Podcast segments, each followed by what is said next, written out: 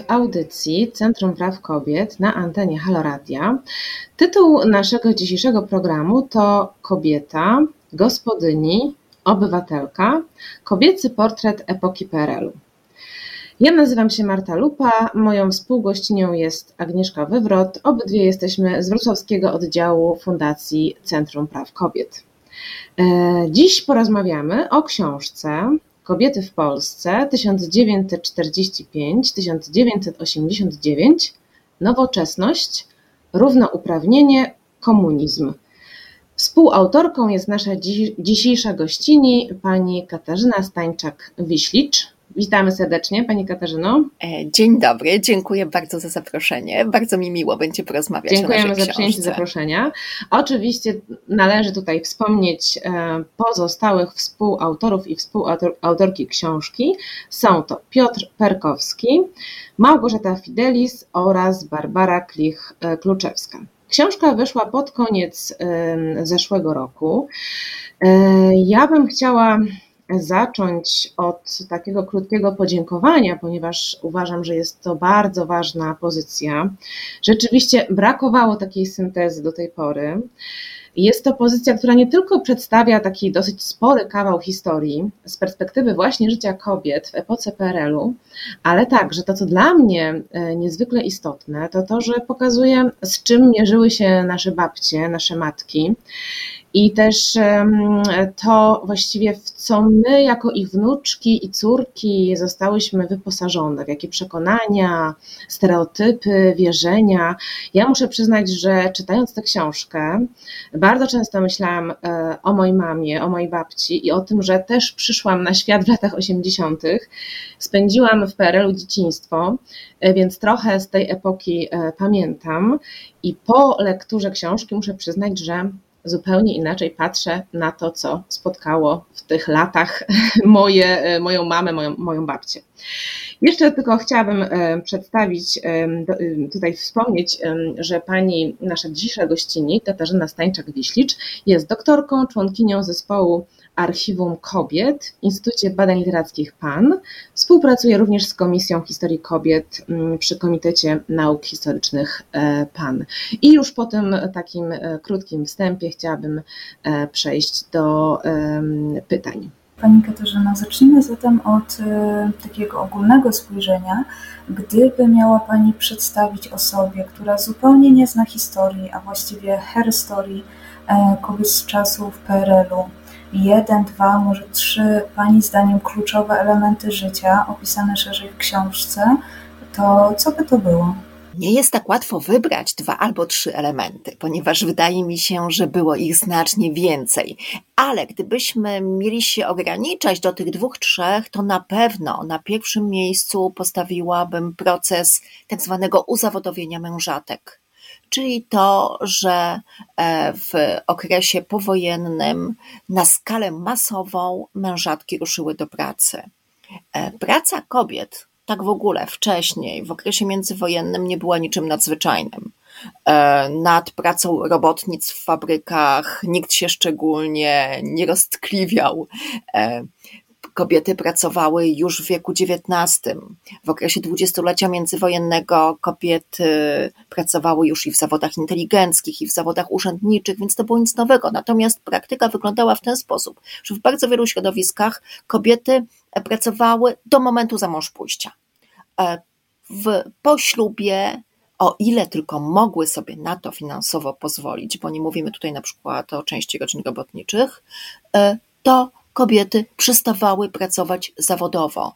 E, w okresie PRL-u stało się normą to, że ślub nie wiąże się z końcem kariery zawodowej, e, nie wiąże się z tym, że jedyną rolą dla kobiety miała być odtąd rola gospodyni domowej, matki i żony. Praca zawodowa była czymś normalnym, czymś, czego oczekiwano od kobiet. E, drugą taką rzeczą, która związana jest niekoniecznie może z PRL-em, ale jest też wynikiem przemian globalnych, zachodzących po obu stronach żelaznej kurtyny, e, jest to, że e, kobiety, młode kobiety, dziewczyny stały się uczestniczkami globalnej kultury młodości. To, że zyskały prawo do swojego wolnego czasu. Wydłużył się ich okres edukacji, e, Dziewczyny zaczęły uczestniczyć w zajęciach pozalekcyjnych, w rozrywkach, e, które wcześniej w wielu wypadkach dostępne były jednak przede wszystkim dla dorastających chłopców. Mm, okres młodości opisywany był, konceptualizowany był jako doświadczenie przede wszystkim męskie. E, dziewczyny bardzo gładko przechodziły z dzieciństwa, z dziewczęcości w kobiecość.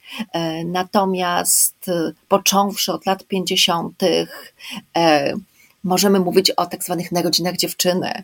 E, młode kobiety, tak jak i młodzi mężczyźni, zasilają szeregi młodzieży.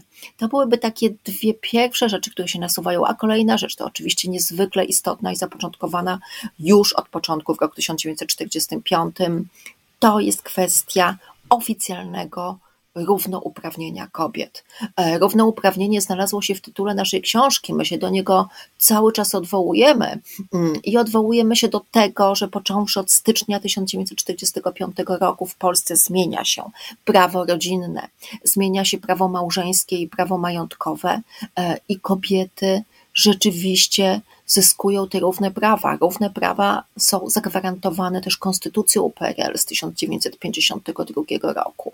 E, nawet jeżeli, nawet jeżeli ta równość była zapisana, ale nie była do końca przestrzegana, to ona jednak była zapisana e, i ona dawała kobietom duże możliwości. To tak, gdybyśmy mieli wybrać trzy, trzy rzeczy. Tak, tak, właśnie padło tutaj w Pani wypowiedzi słowo równouprawnienie, więc już wiemy, dlaczego to słowo pojawia się w podtytule. E, no, komunizm, bo to ten e, czas historyczny został określony też w tytule książki. I ja bym chciała teraz zapytać o to trzecie słowo, e, którym jest nowoczesność, dlatego że mm, powszechnie, tak bardzo stereotypowo, nowoczesność kojarzy nam się, właściwie w ogóle nam się nie kojarzy z czasem PRL-u. Mamy takie wrażenie, że to był świat podzielony na pół, była ta żelazna, taka nieprzepuszczalna kurtyna, a jednak tej nowoczesności e, jest w książce e, całkiem sporo, więc gdyby Pani mogła powiedzieć, czego ta nowoczesność dotyczyła, jeżeli chodzi właśnie o, o, o życie kobiet. Nowoczesność była dla nas kluczowym e, pojęciem, kluczową kategorią i ona przewija się przez wszystkie nasze rozdziały. To nie jest tak że też, że żelazna kurtyna była szczelna. Ta żelazna kurtyna miała tak naprawdę bardzo wiele luk i bardzo wiele trendów kulturowych, e, przenikało przez żelazną kurtynę. Podobne procesy zachodziły po obu jej stronach. Natomiast gdyby tak wrócić do nowoczesności, to komunizm sam z siebie jako ideologia jest nowoczesny. Jest oparty na idei nowoczesności. E, I nowoczesność była tą wielką obietnicą dawaną już w roku 1945. E, ta nowoczesność była wszechobecna w dyskursie publicznym. E, nowoczesne miało być polskie państwo, nowoczesny miał być przemysł, nowoczesna miała być polska rodzina, e, nowoczesna miała być kultura. E, to nie było tylko, nowoczesność nie była tylko takim właśnie hasłem obecnym w dyskursie oficjalnym, w oficjalnych deklaracjach władzy, ale było, była też kategorią bardzo mocno internalizowaną przez obywateli PRL, zarówno przez mężczyzn, jak i przez kobiety. E, w świetle źródeł, które analizowaliśmy w naszej książce, takich źródeł jak dzienniki osobiste, pamiętniki, listy do redakcji, wyraźnie widać, jak kategoria nowoczesności co chwila się pojawia. Ludzie chcieli być nowocześni, e, ludzie definiowali siebie jako nowoczesnych. Kobiety bardzo często pisały o sobie o tym, że w przeciwieństwie do swoich matek i babek wychowanych w przedwojennej Polsce, one są nowoczesnymi gospodyniami domowymi. E, od początku lat 60. E, pojawia się kategoria nowoczesnej dziewczyny. E, także dziewczęta też chcą być nowoczesne. E, prasa kierowana do młodzieży, Filipinka, ale także Zarzewie, także Nowa Wieś, cyklicznie organizowały debaty wokół tego, co to znaczy nowoczesność, jak to jest być nowoczesną dziewczyną, jak to jest być nowoczesnym chłopcem. Dyskutowano też o tym, jak ma wyglądać nowoczesne małżeństwo. Także ta nowoczesność była kategorią wszechobecną, zarówno właśnie w dyskursie publicznym, jak i w tym, w jaki sposób ludzie postrzegali siebie, w jaki sposób próbowali się definiować i co wyznaczało horyzont ich aspiracji. Po prostu wszyscy chcieli być nowocześni. Tak, tak. Wspomniała Pani tutaj pismo, e, właśnie Nowa Wieś. Ja bym chciała zauważyć, że sporo tych wątków dotyczących kobiet żyjących na wsi, poza dużymi ośrodkami miejskimi się pojawia. I właśnie chciałabym zapytać, czym była ta nowoczesność gospodyń domowych, które mieszkały na wsi? My bardzo się staraliśmy napisać o kobietach wiejskich, ale to jest taki trochę nasz wyrzut sumienia wspólny, że o tych kobietach wiejskich jest jednak trochę mniej, że jednak mimo wszystko narracja naszej książki jest dominowana przez doświadczenie e, kobiet mieszkających w miastach, natomiast ta wieś i zwłaszcza jeszcze małe miasteczko, które jest też bardzo specyficzną kategorią, że one troszeczkę nam leżą odłogiem. E, natomiast tak y, w rozdziale poświęconym nowoczesności w gospodarstwie domowym bardzo staraliśmy się zwrócić uwagę na modernizację na wsi. E, I tutaj tak, to jest bardzo ciekawe, ponieważ unowocześnienie gospodarstwa domowego na wsi było programem, który poniekąd stanowił kontynuację tego, co już się działo w II Rzeczpospolitej. My w ogóle w naszej książce staramy się zwracać uwagę na to, że wiele procesów, które dzieją się e, po 1945 roku, ma swoje źródła w okresie międzywojennym. E, są to często nawiązania i kontynuacje. I tak na przykład było z projektem unowocześnienia gospodarstwa domowego na wsi. Koła gospodyń wiejskich, e, które bardzo dobrze funkcjonowały w okresie międzywojennym, wznowiły swoją działalność od razu w roku 1944-1945. E, one nigdy nie były do końca podporządkowane Lidze Kobiet. Z Ligą Kobiet współpracowały, natomiast podporządkowane e, były samopomocy chłopskiej. E, I te koła gospodyń wiejskich, w momencie, kiedy wznowiły swoją działalność, wróciły do programu unowocześnienia gospodarstwa domowego. Jeżeli spojrzymy na na przykład instrukcje dla kół gospodyń wiejskich z lat 50., i te z końca lat 30., to bardzo wiele treści się powtarza. Podobnie jak w okresie międzywojennym, e, w latach 50. i 60. koła gospodyń wiejskich namawiają kobiety do tego, aby zdrowo żywić rodzinę. To znaczy podawać im owoce, warzywa, podają przepisy na surówki i na soki. E, namawiają do tego, żeby porządnie sprzątać chałupę, że należy mieszkanie wietrzyć. E, bardzo mocno prowadzą propagandę prozdrowotną namawiają ludzi do szczepień, e, namawiają kobiety do tego, aby dbały o zdrowie w okresie ciąży. Także tutaj widać bardzo dużo kontynuacji. Tylko tyle, że musimy zwrócić uwagę na jedną rzecz. Mówiłam, że dyskurs e, komunistyczny oparty był bardzo mocno na pojęciu nowoczesności, ale ta nowoczesność wiązała się z urbanizacją i z industrializacją wieś dosyć długo uchodziła za symbol tradycji i zacofania. Jeżeli byśmy spojrzeli na przykład na okładki magazynów kobiecych z lat 40. i 50., to wyraźnie widać, jak inaczej są tam przedstawiane kobiety miejskie i kobiety wiejskie. E, kobiety miejskie są ubrane po miejsku, często mają e, ubrania sugerujące ich zawód, czyli jeżeli są to robotnice, to mają kombinezony robocze, e, jeżeli są to nauczycielki, to są w czymś w rodzaju garsonki, podobnie urzędniczki, mają starannie, modnie ufryzowane włosy, mają makijaż. Natomiast kobiety wiejskie w latach 40. i 50. mają na głowie chustkę na tych okładkach bardzo często są uczesane w warkocze. Młode dziewczęta wiejskie noszą warkocze. E, noszą stroje, które troszeczkę przypominają stroje ludowe. Przedstawiane są w otoczeniu takim sielskim trochę, na przykład na łące, wśród kwiatów. Na jednej z okładek znajduje się na przykład młoda wiejska dziewczyna, która głaszcze białe jagniątko, więc są to takie trochę sielskie, ale bardzo tradycyjne wyobrażenia wsi, ponieważ początkowo ten impet modernizacyjny w okresie powojennej podbudowy, w okresie stalinizmu wiąże się z industrializacją i urbanizacją. Wieś troszeczkę leży odłogiem i ta wieś, wiejskość jest symbolem zacofania. To się później zmienia. E, I tak naprawdę takie porządne programy, bardzo intensywne programy modernizacyjne wchodzą na wieś w latach 70. E, I w latach 70. polska wieś bardzo mocno się modernizuje. E, wtedy też zmieniają się radykalnie warunki życia. Dopiero w latach 70. kończy się elektryfikacja polskiej wsi. W związku z tym kobiety wiejskie zaczynają mieć dostęp do pralki automatycznej, e, do telewizora, do lodówki i do odkurzacza. E, z tym, że to są dopiero lata 70., kiedy e, te zdobycze nowoczesności w gospodarstwie domowym na wsi się normalizują i stają się przedmiotami powszechnego użytku.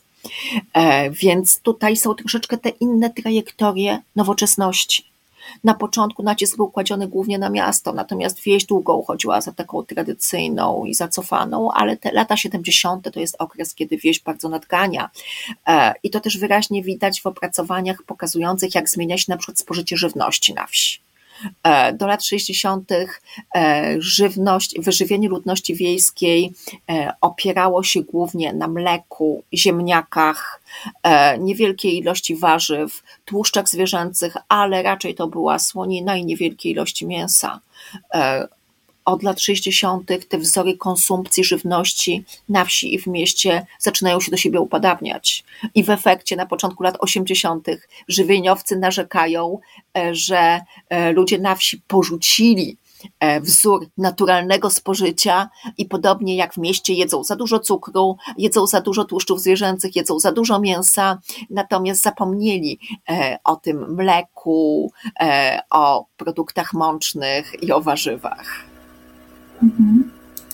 Mm, I w nawiązaniu właśnie do tego, o czym Pani e, teraz mówiła, chciałam właśnie zauważyć mm, wszystkim osobom słuchającym nas, że poruszają Państwo w książce e, tematy, które, które są właśnie nieczęsto, dosyć rzadko brane na warsztat e, przez osoby piszące publikacje historyczne i mam tutaj na myśli choćby takie tematy jak związane właśnie z higieną, modą, urodą, I e, może też przytoczę inne e, obszary, których, e, na których koncentrują się Państwo w swojej książce i są to właśnie nie tylko rozdziały tytułowe jak komunizm, nowoczesność i równouprawnienie, ale także właśnie życie codzienne kobiet, w tym łączenie pracy zawodowej z nieodpłatną pracą domową, mm, a w czasie stalinizmu jeszcze z działalnością aktywistyczną. Mm, też bardzo ważny obszar to edukacja dziewcząt, y, czy też rytuały dotyczące mody i urody. Mm, I chciałam właśnie zapytać, czym w takim razie kierowali się Państwo, planując spis treści, czy też główne tematy do książki? Nie było to takie łatwe, ponieważ nasza książka powstawała bardzo długo. Pewnie gdybyśmy ją dzisiaj pisali, to napisalibyśmy ją trochę inaczej i wzięlibyśmy pod uwagę jeszcze kilka innych zagadnień. E, ale ponieważ nasza książka jest pracą zespołową, jest dziełem czwórki autorów i daliśmy sobie przy tym sporą autonomię, zakładaliśmy, że każdy z nas decyduje trochę o tym, o czym będzie pisał w swoim rozdziale, to nasza książka jest efektem dyskusji, długich dyskusji. Od początku wiedzieliśmy, że nie chcemy powtarzać e, takiej tradycyjnej narracji historiografii politycznej. Nie chcemy opowiadać tylko o polityce. E, chcemy opowiedzieć właśnie o doświadczeniu życia codziennego. Z drugiej strony, bardzo nie chcieliśmy wpadać w takie getto dziejów kobiet e, i opowiadać o rzeczach, które uchodzą za nieważne e, i po prostu spaść w taką anegdotyczną opowieść e, o modzie, urodzie i jeszcze koniecznie o wychowywaniu dzieci i o rodzinie. E, więc dylemat nie był łatwy, bo z drugiej strony uznawaliśmy, że e, wszystkie te obszary są niezwykle ważne, ponieważ one są niezwykle ważne dla doświadczenia życia codziennego, nie tylko kobiet, mężczyzn także. E, I myślę, że historia mężczyzn też czeka na takie badania nad higieną, nad modą, mm, nad sposobami spędzania wolnego czasu, więc nie uważamy, żeby te tematy były tematami specyficznie kobiecymi. Po prostu uważamy, że historia społeczna powinna zostać wzbogacona o te tematy. Dlaczego one się tak rzadko pojawiają? Ponieważ wcale nie jest tak łatwo je zbadać. My początkowo zakładaliśmy, że nasza książka będzie syntezą.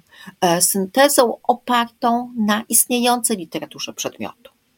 I w momencie, kiedy zaczęliśmy się poważnie zastanawiać i sobie szkicować swoje rozdziały, to okazało się, że że wszystkie one właściwie wymagają badań podstawowych że na wiele tematów nikt jeszcze nie pisał, mm, że musimy pójść do archiwum, pójść do biblioteki, porozmawiać z ludźmi i zrobić naprawdę szeroko zakrojone badania podstawowe. Długo też się zastanawialiśmy nad kolejnością rozdziałów w naszej książce, ponieważ, jak powiedziałam, nie chcieliśmy, nie chcieliśmy, żeby ona była skoncentrowana na historii politycznej, ale z drugiej strony E, wszystko jest polityczne. E, moda, uroda, gotowanie, gospodarstwo domowe, macierzyństwo, e, higiena, opieka zdrowotna to wszystko to są tematy polityczne.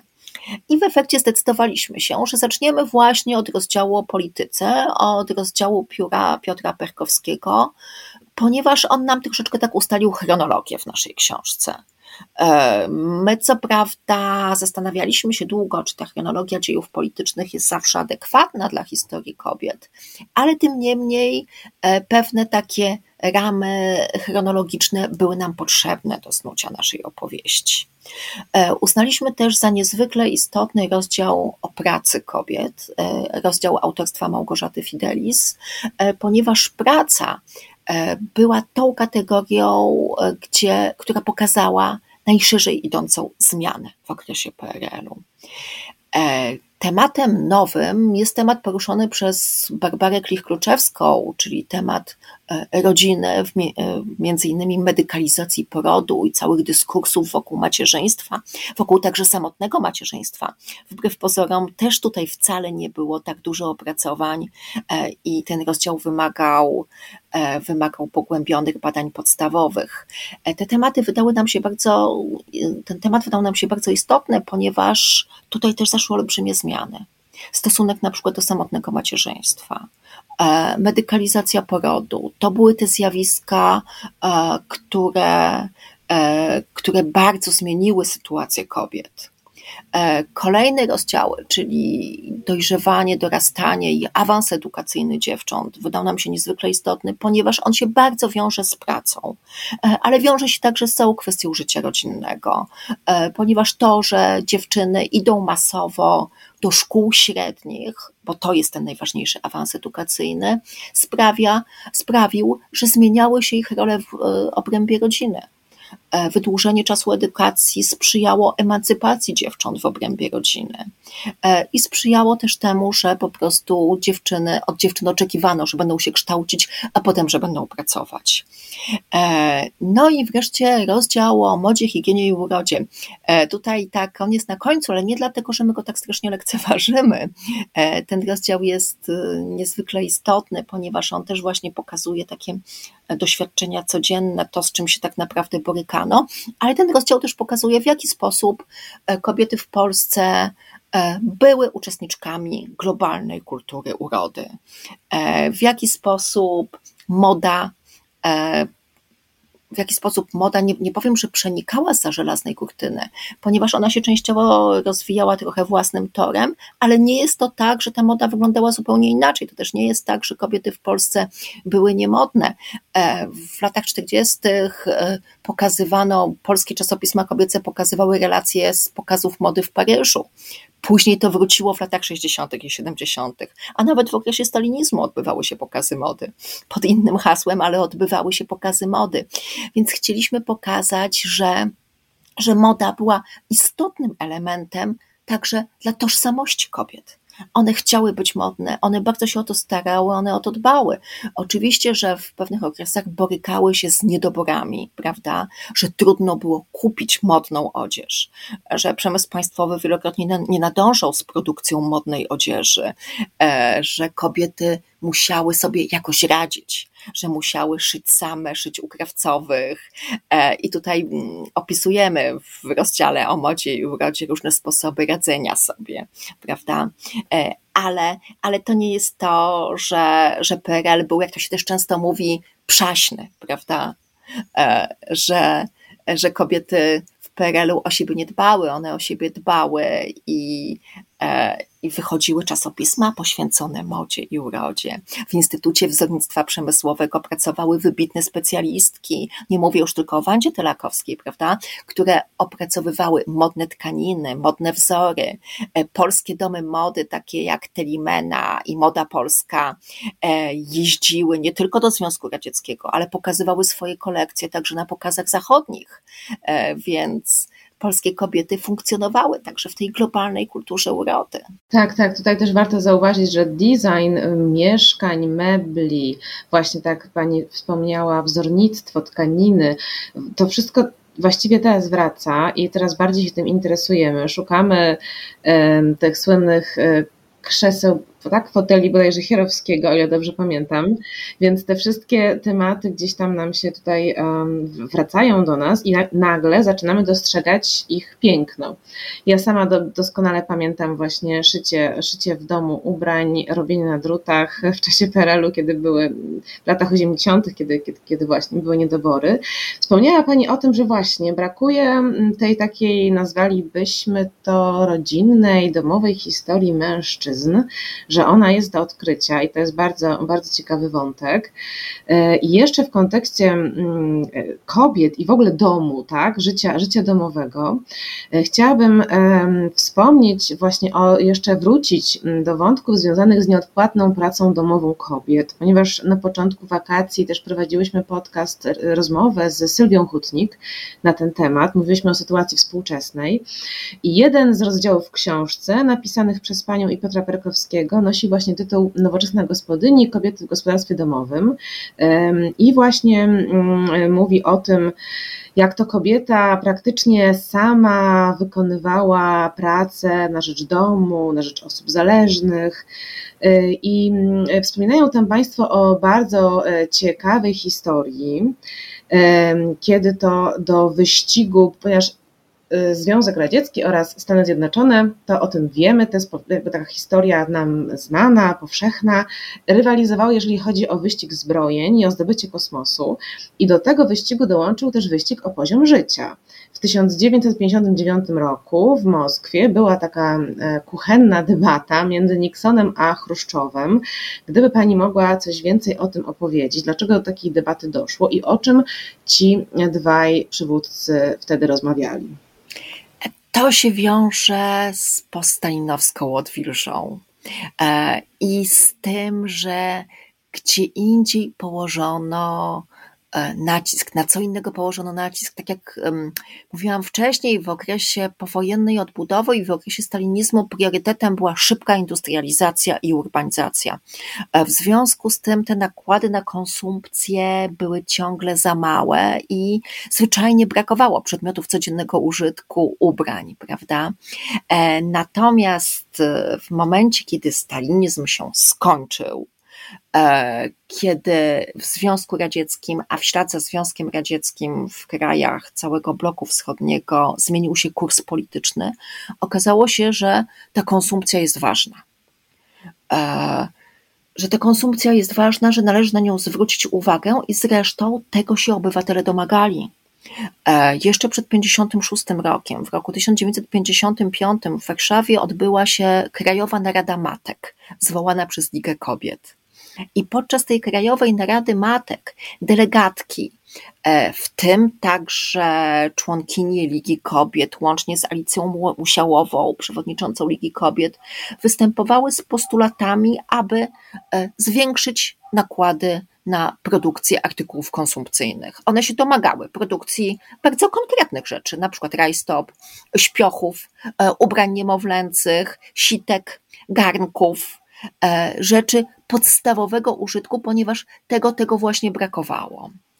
E, więc z jednej strony to było tak, że ludzie e, domagali się i artykułowali te żądania, e, aby poziom życia się poprawił, aby wzrosła produkcja artykułów konsumpcyjnych, i nagle się okazało, że to jest kwestia polityczna. E, ponieważ właśnie po śmierci Stalina nastąpił odwrót od takiej zimnowojennej polityki absolutnej wrogości e, i wyścigu mm, i właśnie może nie wyścigu zbrojeń, nie używajmy tutaj jeszcze tego terminu, e, ale przedmiotem, ale polem, na którym oba ustroje miały teraz konkurować, był poziom życia i konsumpcja. Chodziło o pokazanie, który z ustrojów zapewnia swoim obywatelom lepszy poziom życia i daje swoim obywatelom, jest w stanie im zapewnić satysfakcję życiową. I tak generalnie o to chodziło w debacie kuchennej. Podstawowym pytaniem było, czy socjalizm, komunizm czy kapitalizm e, pozwala swoim obywatelom, a zwłaszcza obywatelkom, e, cieszyć się lepszym poziomem życia. Podczas e, wspomnianej przez panią wystawy w Moskwie strona amerykańska prezentowała model nowoczesnej kuchni amerykańskiej. Jak na tamte czasy w pełni zautomatyzowanej, i przede wszystkim takiej kuchni, która umiała ułatwić pracę gospodyni domowej oszczędzić jej wysiłku, skrócić czas przygotowania potraw e, i w ten sposób dać jej pewne poczucie komfortu. E, w tej debacie kuchnia amerykańska była przedstawiona jako właśnie nowoczesna, natomiast e, gospodarstwo domowe w krajach socjalistycznych, przede wszystkim w Związku Radzieckim, miało być w stosunku do amerykańskiego zacofane, tradycyjne, E, mniej przyjazne gospodyniom domowym. E, I teraz argument drugiej strony był taki, że ustrój socjalistyczny, e, który wyzwolił kobietę, który dał jej równe prawa, jednocześnie pozwala też jednocześnie też daje kobiecie ułatwienia życiowe, daje kobiecie pewien komfort. I debata kuchenna miała być takim zderzeniem dwóch wizji komfortu. E, komfortu amerykańskiego i komfortu radzieckiego, komfortu socjalistycznego. Przy czym tu musimy powiedzieć, że e, ta nowoczesność, to unowocześnienie gospodarstwa domowego miało być realizowane na dwa sposoby.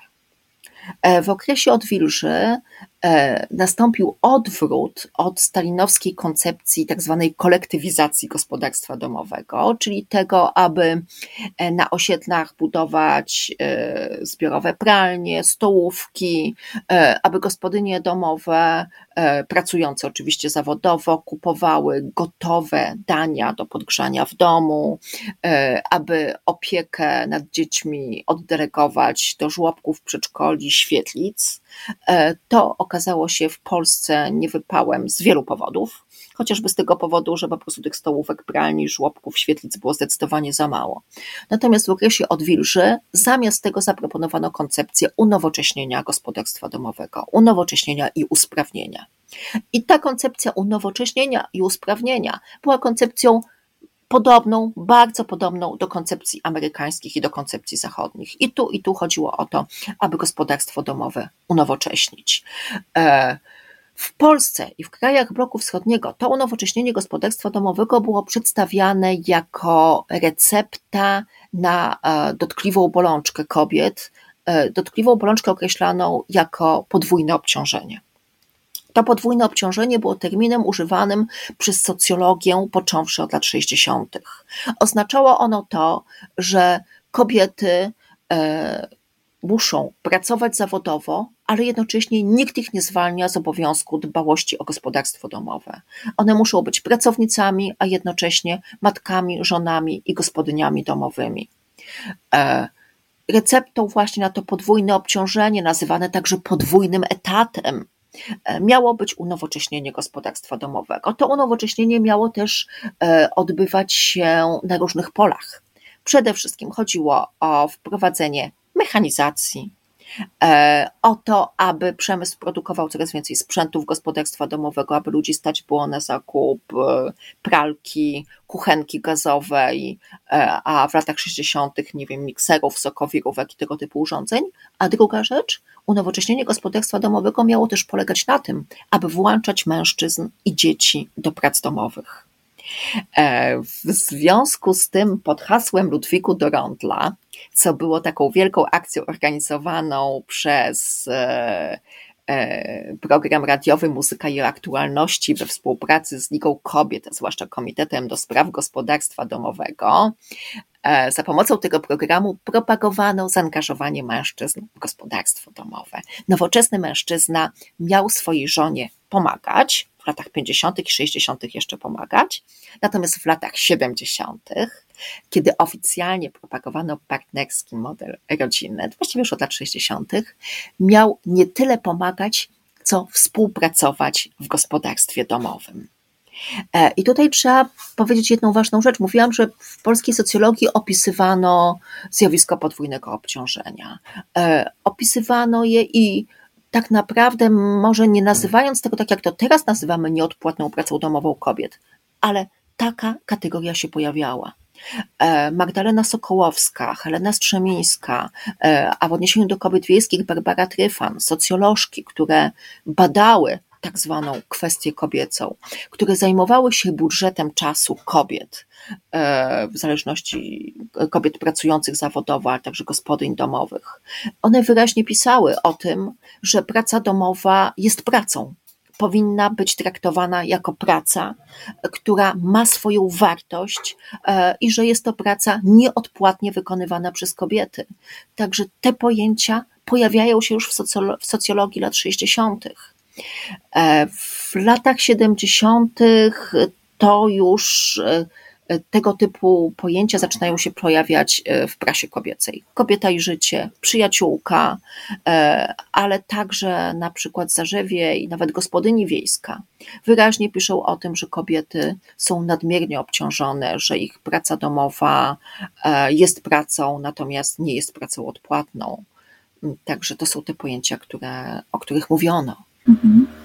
Dziękuję za przywołanie tego szerszego tła i e, myślę, że tak poniekąd wracając właśnie do, do tematu debaty kuchennej i, i w ogóle podwójnego obciążenia kobiet i tej, mam wrażenie, ciągle trwającej dyskusji o, mm, o rolę mężczyzn w, w tej właśnie obszarze pracy domowej, mm, nasuwa mi się taka e, refleksja, która też może, myślę, towarzyszyć e, podczas lektury książki o, o tym, na ile życie i funkcjonowanie każdej i każdego z nas mm, zależy od procesów historycznych, decyzji władzy, a na ile jest naszym własnym wyborem e, i konsekwencją e, naszych możliwości decyzyjnych, negocjacyjnych. Mm, innymi słowy, czy jesteśmy podmiotem, czy też przedmiotem toczącej się wokół i dookoła nas historii kobiet. E, I tutaj chciałam e, Panią zapytać, jak Pani myśli, jakie współczesne wydarzenia dotyczące kobiet znajdą się na kartach książek, e, które będą powstawały za 20, 30, 50 lat? Mm. To jest bardzo ciekawe pytanie i bardzo ciekawe jest też to, co Pani najpierw powiedziała, kiedy poruszyła Pani kwestię sprawczości, naszej sprawczości, prawda, jednocześnie danych możliwości, więc to jest też to, co my właśnie w naszej książce chcieliśmy pokazać, że kobiety były i przedmiotami, i podmiotami różnych polityk.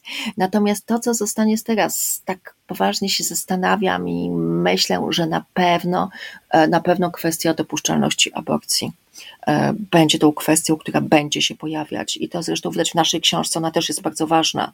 Wprowadzenie, e, złagodzenie prawa o dopuszczalności aborcji w roku 56 jest jedną z takich nielicznych cezur chronologicznych w naszej książce. I tak samo myślę, że e, debata z lat 90., przede wszystkim debata z lat 90., a później to, co się dzieje teraz, na pewno, na pewno znajdzie się na kartach pisanej za 20-30 lat historii kobiet. Mm, podobnie jak myślę, że całe narodziny e, ruchów kobiecych, e, to co się stało, to co zapoczątkował czarny protest narodziny takiej masowej aktywności kobiecej. Myślę, że to na pewno będzie opisane najpierw przez, już jest opisywane przez socjologów, ale na pewno będzie opisane przez historyczki i przez historyków.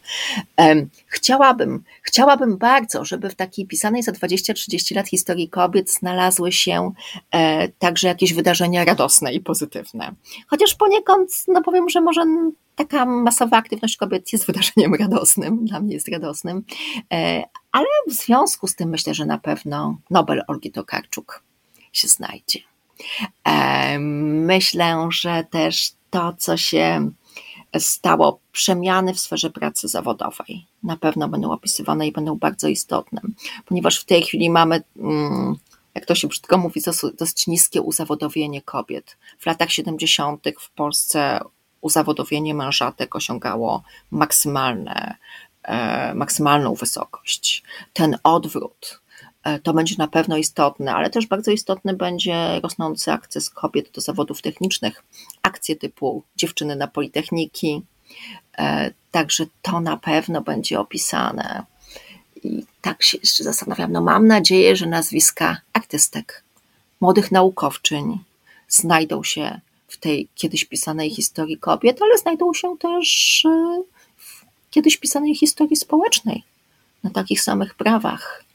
Mhm. Ja też może chciałabym tutaj dodać, bo tak mi się wydaje, że to też jest ważny wątek, bo to też y, mówiła Pani o tym i to, o, o, tym jest dużo w książce, czyli o tych młodych dziewczętach, które właśnie w PRL-u zdobyły możliwość jakby tego, tego dziewczęctwa, okresu właśnie takiego dojrzewania, pojawił się czas wolny, one zaczęły się uczyć, spędzać y, czas na, właśnie wolny na różne sposoby i tak dzisiaj sobie myślę, że bardzo dużo jest to, co być może trafi na karty y, przyszłych książek y, historycznych, to właśnie też ta ich aktywizacja taka społeczna, to, że biorą udział w protestach, to, że bardzo dużo jest młodych kobiet, młodych dziewczyn właściwie, nastolatek w tych ruchach klimatycznych, ruchach na rzecz praw zwierząt, prawda? Więc to też gdzieś tam e, widzimy taką, e, taką, tak, taką paralelę.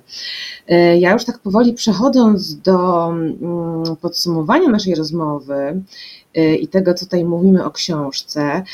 W czasie czytania jeszcze mi się tutaj właśnie mm, przyszła do mnie taka myśl, że tak jak w PRL-u, bardzo często to równouprawnienie kobiet, edukacja dziewcząt, aktywizacja zawodowa kobiet trochę zależała od tego, jaki był stan państwa. Czyli jeśli potrzebne były ręki, ręce do pracy, do pracy często bardzo ciężkiej, chociażby włókniarki łódzkie, no to kobiety zachęcano do podjęcia pracy zawodowej, ale w momentach kryzysu, no było ich wiele, chociażby kryzys lat 80. też, e, to przyjmowano taką politykę zwracania się jednak do tego tradycyjnego podziału, porządku ról, tak? Za, w latach 80. przestano budować um, żłobki i przedszkola, wydłużono urlopy macierzyńskie, wychowawcze. Właściwie cały ciężar walki z, niedo, z niedoborami spoczął, spoczął na, na, na barkach kobiet. I teraz jak popatrzymy bo już trochę mówiłyśmy o tym, o tej sytuacji, szukając tych wydarzeń, które trafią na karty przyszłej historii, jeżeli popatrzymy na współczesną sytuację, no to też wydaje mi się bardzo podobno. Tak? Im gorzej państwo wypełnia obowiązki względem dzieci, też mamy brak e, miejsca w żłobkach i przedszkolach. Brak, kompletny brak dofinansowania osób z niepełnosprawnościami, seniorów, seniorek, tym bardziej właśnie promuje ten taki tradycyjny podział domowych obowiązków, spycha na kobiety pracę, mówiliśmy pracę domowe, to już wiadomo, ale pracę opiekuńczą, pracę emocjonalną. I w momencie kryzysu e, kobiety niejako e, przejmują stery, tak? I zaczynają dbać o to, w czym właściwie powinno partycypować państwo, prawda? Dlatego wydaje mi się, że to jest bardzo ważne, żeby tę książkę, o której dzisiaj mówimy, a przypomnę, że mówimy o książce Kobiety w Polsce 1945-1989, e, Nowoczesność, Równouprawnienie, Komunizm, e, żeby tę książkę przeczytać i zobaczyć, jak to wyglądało w czasach autorytarnych, z czym mierzyły się kobiety, z czym mierzymy się dzisiaj my i co z tego dalej wyniknie. E, więc dziękujemy bardzo. Z tą myślą zostawmy osoby słuchające. Dziękujemy bardzo naszej gościni, e, którą była pani współautorka książki, pani Katarzyna Stańczak-Wiślicz. Dziękujemy bardzo. I jeszcze tylko przypomnę, że pozostałymi autorami, autorkami są e, Piotr Parkowski, Małgorzata Fidelis, e, Barbara Klich-Kluczewska. E, zachęcamy do lektury i zapraszamy również na naszą kolejną audycję. E, dzisiaj audycję prowadziła Marta Lupa z Centrum Praw Kobiet we Wrocławiu oraz Agnieszka Wywrot również z Centrum Praw Kobiet we Wrocławiu. E, dziękujemy bardzo i do usłyszenia. Dziękuję. Wspieraj niezależne Halo Radio, które mówi wszystko. www.halo.radio ukośnik SOS. Dziękujemy.